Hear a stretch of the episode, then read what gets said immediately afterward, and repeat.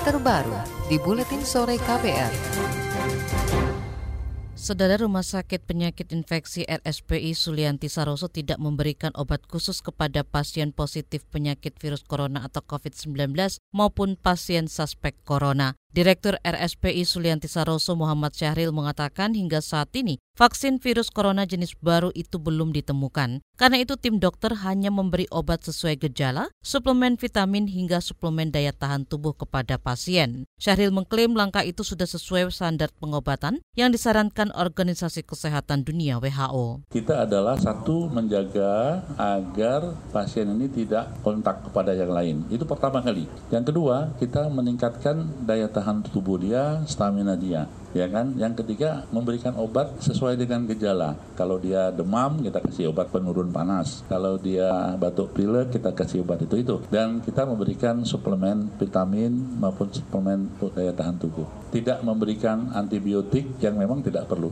Direktur RSPI Solianti Saroso Muhammad Syahril menyebut saat ini kondisi dua pasien positif COVID-19 membaik. Saat ini sebanyak 9 pasien termasuk pasien positif COVID-19 yang dirawat di ruang isolasi RSPI Sulianti Saroso. Dari jumlah itu, delapan di antaranya dalam kondisi baik dan satu pasien dalam kondisi buruk lantaran memakai alat bantu nafas di ruang isolasi. Juru bicara pemerintah terkait penanganan COVID-19 Ahmad Yuryanto mengklaim standar perawatan pasien positif COVID-19 di Indonesia sama dengan standar yang dipakai atau diterapkan di negara lain. Yuryanto mengatakan pemberian stimulus kekebalan tubuh merupakan salah satu cara penanganan yang dilakukan rumah sakit. Karena memang spesifik obatnya belum ada, maka kuncinya meningkatkan daya tahan tubuh. Sehingga apa yang dilakukan oleh rumah sakit yang merawat pasien dengan coronavirus positif adalah supporting, supporting terapi dengan menggunakan suplemen dengan segala macam untuk meningkatkan daya tahan tubuh dia. Ini standarnya sama. Di Cina pun juga ada beberapa yang kemudian diberikan herbal dan sebagainya. Sama. Ahmad Yuryanto yang juga sekretaris Direktorat Pencegahan dan Pengendalian Penyakit di Kementerian Kesehatan menjelaskan, asupan suplemen berupa peningkatan imun dari obat kimia ataupun obat herbal disarankan untuk terhindar dari paparan penyakit virus corona atau COVID-19.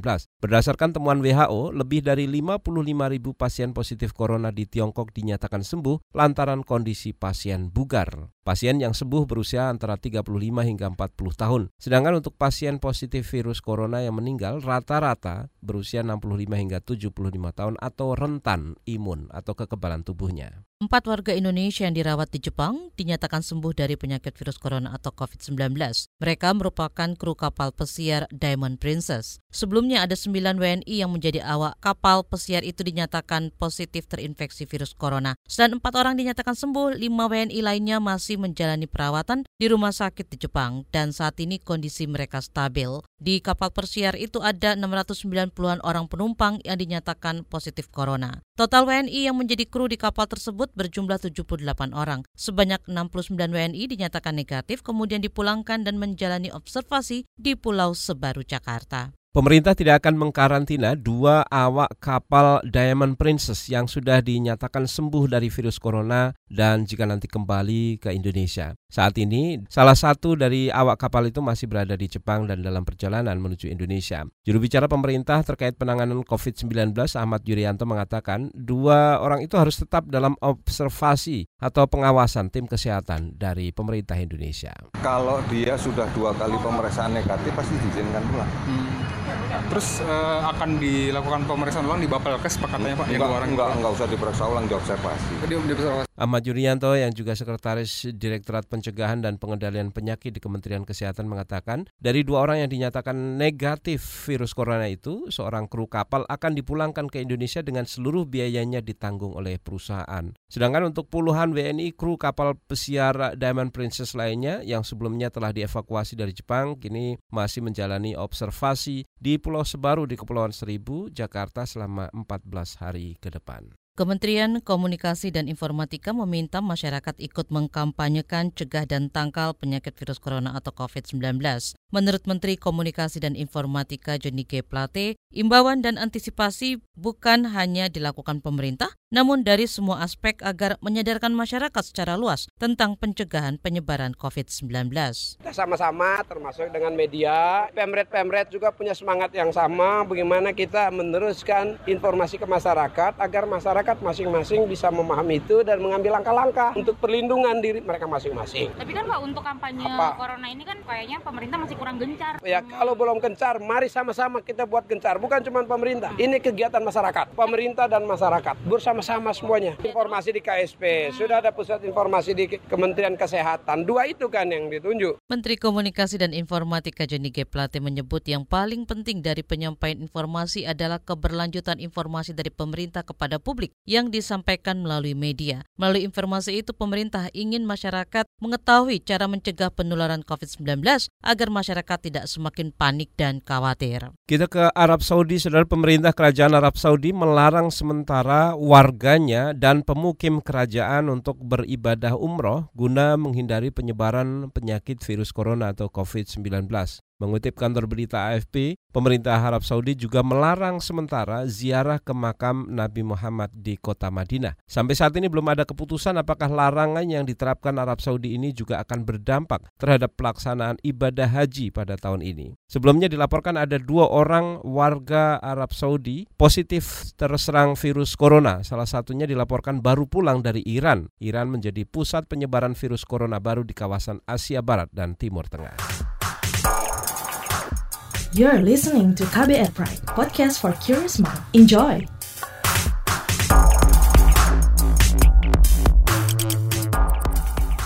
Anda sedang mendengarkan buletin sore dari KBR. Siaran KBR mengudara melalui lebih dari 500 radio jaringan di Nusantara. Bagi Anda yang ada di Jakarta, Anda bisa menyimak siaran kami melalui Radio Pelita Kasih atau RPK 96,3 FM. Meningkatnya permintaan membuat harga masker melambung di pasaran pasca pemerintah mengumumkan dua warganya positif terinfeksi COVID-19 atau virus corona. Perusahaan industri farmasi plat merah Kimia Farma memastikan menyediakan 2 ribuan lembar masker kain di seluruh apotiknya dengan harga Rp2.000 per lembar. Direktur Utama Kimia Farma, Ferdi Budidarmo mengatakan, Kimia Farma juga telah memesan 7,2 juta lembar bahan baku masker dari Tiongkok. Baik ke negara Korea Selatan, India, termasuk di Eropa untuk bahan baku. Sangat cukup, sangat cukup. Untuk kondisi stok kami tidak bisa menyampaikan, yang bisa menyampaikan adalah Kementerian Kesehatan. Karena seluruh data baik obat ataupun alat kesehatan, seluruh industri farmasi sudah melakukan submit kepada Kementerian Kesehatan sehingga kita satu suara di Kementerian Kesehatan. Itu tadi Direktur Utama Kimia Farma Ferdi Budidarmo. Sementara itu Menteri BUMN Erick Thohir menyebut pemerintah memikirkan opsi mengimpor bahan baku masker dari negara lain seperti India, Korea Selatan atau negara di Eropa. Selama ini pemerintah mengimpor bahan baku masker dari Tiongkok. Kepolisian akan menindak tegas pedagang yang sengaja menimbun masker dengan da, maupun cairan pembersih atau antiseptik atau hand sanitizer untuk mendapatkan keuntungan besar. Juru bicara Markas Besar Kepolisian Mabes Polri Asep Adi Saputra mengatakan ini merupakan langkah tindak lanjut atas instruksi Presiden Joko Widodo. Secara serentak Polri melakukan upaya penegakan hukum terhadap para pelaku yang diduga melakukan penimbunan masker dan juga sanitizer dan termasuk di dalamnya para pelaku yang dengan sengaja untuk mencari keuntungan lebih besar menaikkan harga masker dan juga sanitizer dengan harga-harga yang sangat tinggi. Juru bicara Mabes Polri Asep Adi Saputra menambahkan selain menindak para pedagang nakal, polisi juga akan meningkatkan patroli memberantas berita bohong atau hoaks di media sosial terkait penyakit virus corona atau COVID-19. Harga masker melonjak hingga lebih dari 10 kali lipat usai pemerintah mengumumkan ada dua WNI yang positif terinfeksi virus corona. Hingga kemarin kepolisian mengungkap penimbunan masker di sejumlah daerah di Indonesia seperti di Semarang, Makassar, Jawa Barat, Tangerang hingga Kepulauan Kepulauan Riau. Posko Tanggap COVID-19 milik DKI Jakarta menerima lebih dari 2.600 laporan melalui telepon sejak 26 Januari lalu. Ketua Tim COVID-19 Jakarta Catur Laswanto menyebut beberapa laporan mengadukan keluhan terkait gejala COVID-19. Ini tentu banyak keluhan-keluhan yang kalau panas dan sebagainya. Tetapi tentu dari Dinas Kesehatan akan meresponnya karena tidak serta-merta bahwa panas itu adalah berkaitan dengan virus ini karena bisa jadi penyakit penyakit lain. Itulah yang didetailkan nanti dinas kesehatan. Ketua Tim COVID-19 Jakarta Catur Aswanto mengatakan menambahkan hari ini sebanyak 64 pasien dalam pengawasan tim COVID-19 Jakarta. 34 pasien di antaranya dinyatakan sembuh dan diperbolehkan pulang, sementara 30 lainnya masih dalam pengawasan dan dirawat di rumah sakit. Gabungan Pengusaha Makanan dan Minuman Indonesia GAPMI menyatakan pengusaha dalam negeri memiliki stok untuk memenuhi kebutuhan pangan masyarakat. Jaminan itu disampaikan menanggapi temuan dua warga Indonesia positif terserang virus corona atau COVID-19 dan adanya praktek panik beli dari masyarakat terhadap barang-barang kebutuhan pokok. Ketua Umum GAPMI Adi S. Lukman mengatakan COVID-19 ini memang direspon aktif oleh masyarakat dengan panik beli sehingga ada permasalahan di segi logistik. Karenanya diperlukan adanya kerjasama antara industri dan pedagang retail untuk memenuhi kebutuhan dari masyarakat. Kalau kemarin di pangan tentunya panik buying ini mengakibatkan hari itu memang terjadi kelangkaan karena memang sistem logistik kan tidak bisa setiap hari kirim. Itu ada sistemnya. Kalau di supermarket itu ada hari order, hari kirim kirim, tiap perusahaan punya jadwal sendiri-sendiri. Tapi kemarin dengan kejadian itu dari pelaku industri itu sudah mengantisipasi dengan bekerja sama dengan retail untuk meminta order lebih besar lagi. Supaya kita bisa menunjukkan bahwa sebenarnya barang siap dan ada. Hanya saja masalah timing saja, masalah waktu. Ketua Umum GAPMI Adi S. Lukman mengatakan terkait masker dan hand sanitizer, Adi menyebut berdasarkan laporan dari pengusaha ada keterbatasan stok dari produsen. GAPMI juga mengimbau pengusaha untuk berupaya memenuhi kebutuhan pasar apalagi persiapan menjelang puasa dan Idul Fitri. Selanjutnya saudara kita simak informasi olahraga. Jadwal seri A Liga Italia mengalami sejumlah perubahan demi mengantisipasi penyebaran virus corona. Salah satunya laga akan digelar tertutup atau tanpa penonton untuk mencegah penyebaran wabah virus corona. Sejauh ini 10 pertandingan seri A sudah ditunda serta dua pertandingan semifinal Coppa Italia antara Juventus melawan Milan dan Napoli melawan Inter. Italia menjadi negara dengan kasus virus corona terbanyak di Eropa. Kita beralih ke informasi bursa, saudara indeks harga saham gabungan IHSG. Sore ini ditutup melemah 12 poin atau 0,21 persen di angka 5.638. Bursa saham ditutup dengan lebih dari 7 triliun nilai diperdagangkan. Sedangkan pagi ini saudara indeks dibuka pada posisi 5.688. Sementara pelemahan pasar juga terjadi di indeks Singapura, namun kondisi berbeda di Tokyo di mana indeks menguat juga di Hong Kong dan di Shanghai, Tiongkok. Untuk rupiah hari ini diperdagangkan menguat 0,39 persen menjadi 14.170 per 1 dolar Amerika Serikat. You're listening to KBR Pride, podcast for curious mind. Enjoy!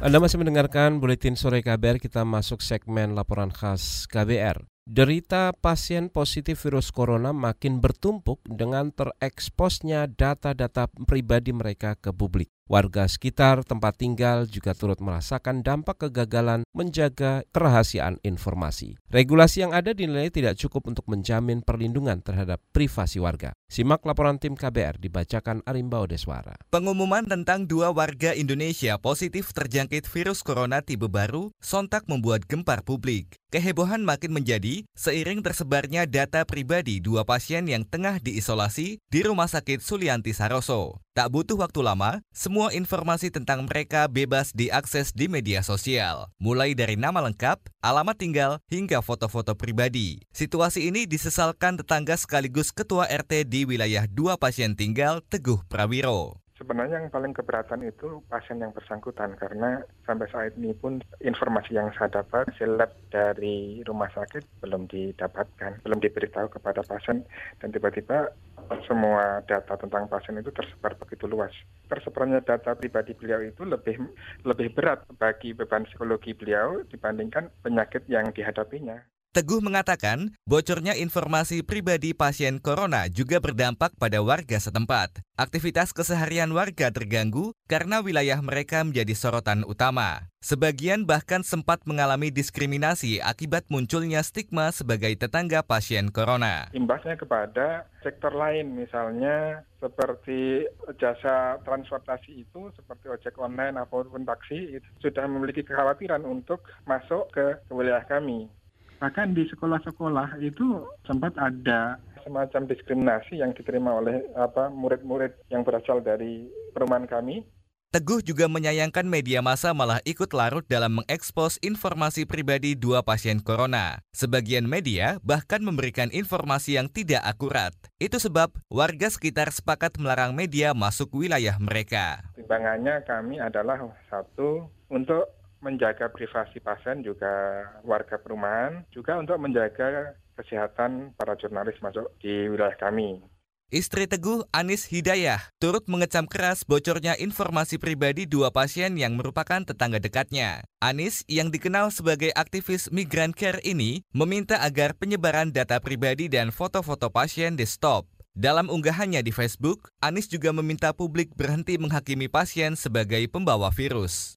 Masifnya penyebaran informasi pribadi pasien tak lepas pula dari kecerobohan pemerintah. Wali Kota Depok, Jawa Barat, Muhammad Idris misalnya, malah mengumbar data pasien ke media. Gubernur Ridwan Kamil mengaku sudah menegur Idris karena tindakan itu melanggar HAM. Namun, Ridwan juga meminta publik memberi pemakluman. Itu juga saya sesalkan, uh, sudah saya tegur, tidak boleh lagi ada data-data dari yang terobservasi dipublikasikan oleh siapa siapa pun termasuk oleh pemerintah daerah. Karena itu melanggar HAM kan tadi semua lagi panik ya.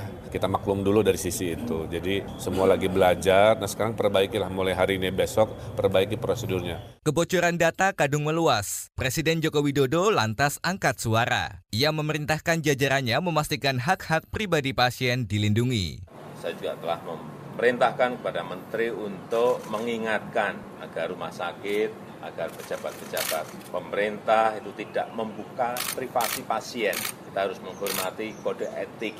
Hak-hak pribadi penderita corona harus dijaga, tidak boleh dikeluarkan ke publik. Ini etika kita dalam berkomunikasi media juga harus menghormati privasi mereka. Pegiat hak-hak digital dari SafeNet, Ellen Kusuma, menyebut bocornya data pribadi pasien corona sudah melanggar sejumlah undang-undang. Pelakunya bisa diperkarakan secara hukum. Meski demikian, Ellen mengakui Indonesia belum memiliki regulasi menyeluruh yang bisa melindungi kerahasiaan data pribadi warga. Dari Kementerian Kesehatan sendiri itu mereka sudah punya peraturan bagaimana harus menyikapi rekam medis dari pasien ya. Dan itu sendiri juga harus misalnya nih penyebarannya atau permintaan kopi rekam medis pasien sendiri itu aja harus melalui persetujuan dari pasien atau kuasa hukumnya atau dari orang tuanya. Nah, ini sudah ada di undang-undang sebenarnya. Ini ada di peraturan Kementerian Kesehatan nomor 269 tahun 2008. Di sisi lain, eh, kita itu ada undang-undang informasi dan transaksi elektronik yang sebenarnya di pasal 26 ayat 1-nya sendiri itu juga menyebutkan bahwa data pribadi seseorang tidak bisa diumbar di media sosial tanpa persetujuan dari si pemilik data pribadi itu sendiri. Walaupun itu tuntutannya bukan pidana tapi tuntutan perdata. Saat ini, rancangan Undang-Undang Perlindungan Data Pribadi tengah berproses di DPR. RUU inisiatif pemerintah ini masuk prioritas program legislasi 2020. Demikian laporan yang disusun tim KBR, saya Arimba Odeswara. You're listening to KBR Pride, podcast for curious mind. Enjoy!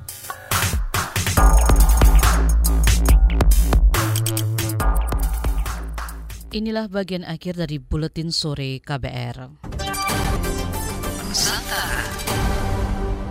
Pemerintah Kota Solo, Jawa Tengah menyebarkan edaran ke berbagai sekolah sebagai antisipasi penyebaran COVID-19 atau virus corona. Laporan selengkapnya bersama kontributor KBR, Yuda Satriawan dari Solo. Pemerintah Kota Solo menyebarkan surat edaran ke berbagai sekolah untuk melakukan langkah antisipasi penyebaran virus corona. Kepala Dinas Pendidikan Pemkot Solo, Eti Retnawati mengatakan Dinas Pendidikan bekerja sama dengan Dinas Kesehatan dan berbagai sekolah di Solo mengkampanyekan perilaku hidup bersih dan sehat. Bisa takut, waspada tetapi tidak boleh ketakutan. Dan itu yang pakai masker itu harusnya yang sakit, bukan yang sehat. Iya, Terus iya. yang batuk kan memang harus ditutup. Iya. Ini yang kita nanti ya sekolah nanti kan kemarin sebenarnya kan sudah ada sosialisasi dari dinas kesehatan untuk jajaran pemerintah kota dan sekolah. Dalam surat edaran itu, sekolah diinstruksikan untuk menyiapkan sejumlah perlengkapan dan peralatan kesehatan, peningkatan peran usaha kesehatan sekolah atau UKS, kantin sehat, gerakan cuci tangan, sosialisasi dari puskesmas terdekat, hingga peningkatan peran dokter kecil ataupun kegiatan palang merah remaja atau PMR. Namun beberapa sekolah memperjelas poin tersebut dengan mengurangi kontak fisik, misalnya bersalaman diganti dengan menangkupkan tangan di dada. Dari Solo, Jawa Tengah, Yudha Satriawan, KBR. Saudara para pengusaha meminta agar petani dan pengusaha lokal berkolaborasi memaksimalkan pemenuhan kebutuhan bawang putih dari petani lokal. Wakil Ketua Umum Kamar Dagang dan Industri Kadin Koordinator Wilayah Indonesia Timur Andi Rukman Karumpa mengatakan pembatasan keran impor dari Tiongkok menjadi kesempatan bagi pengusaha lokal dan petani untuk memenuhi pasar dalam negeri. Mari kita main di hasil komoditinya, ya kan? Tanah yang begitu besar di negeri ini masa sih kita bawang putih juga harus dari luar.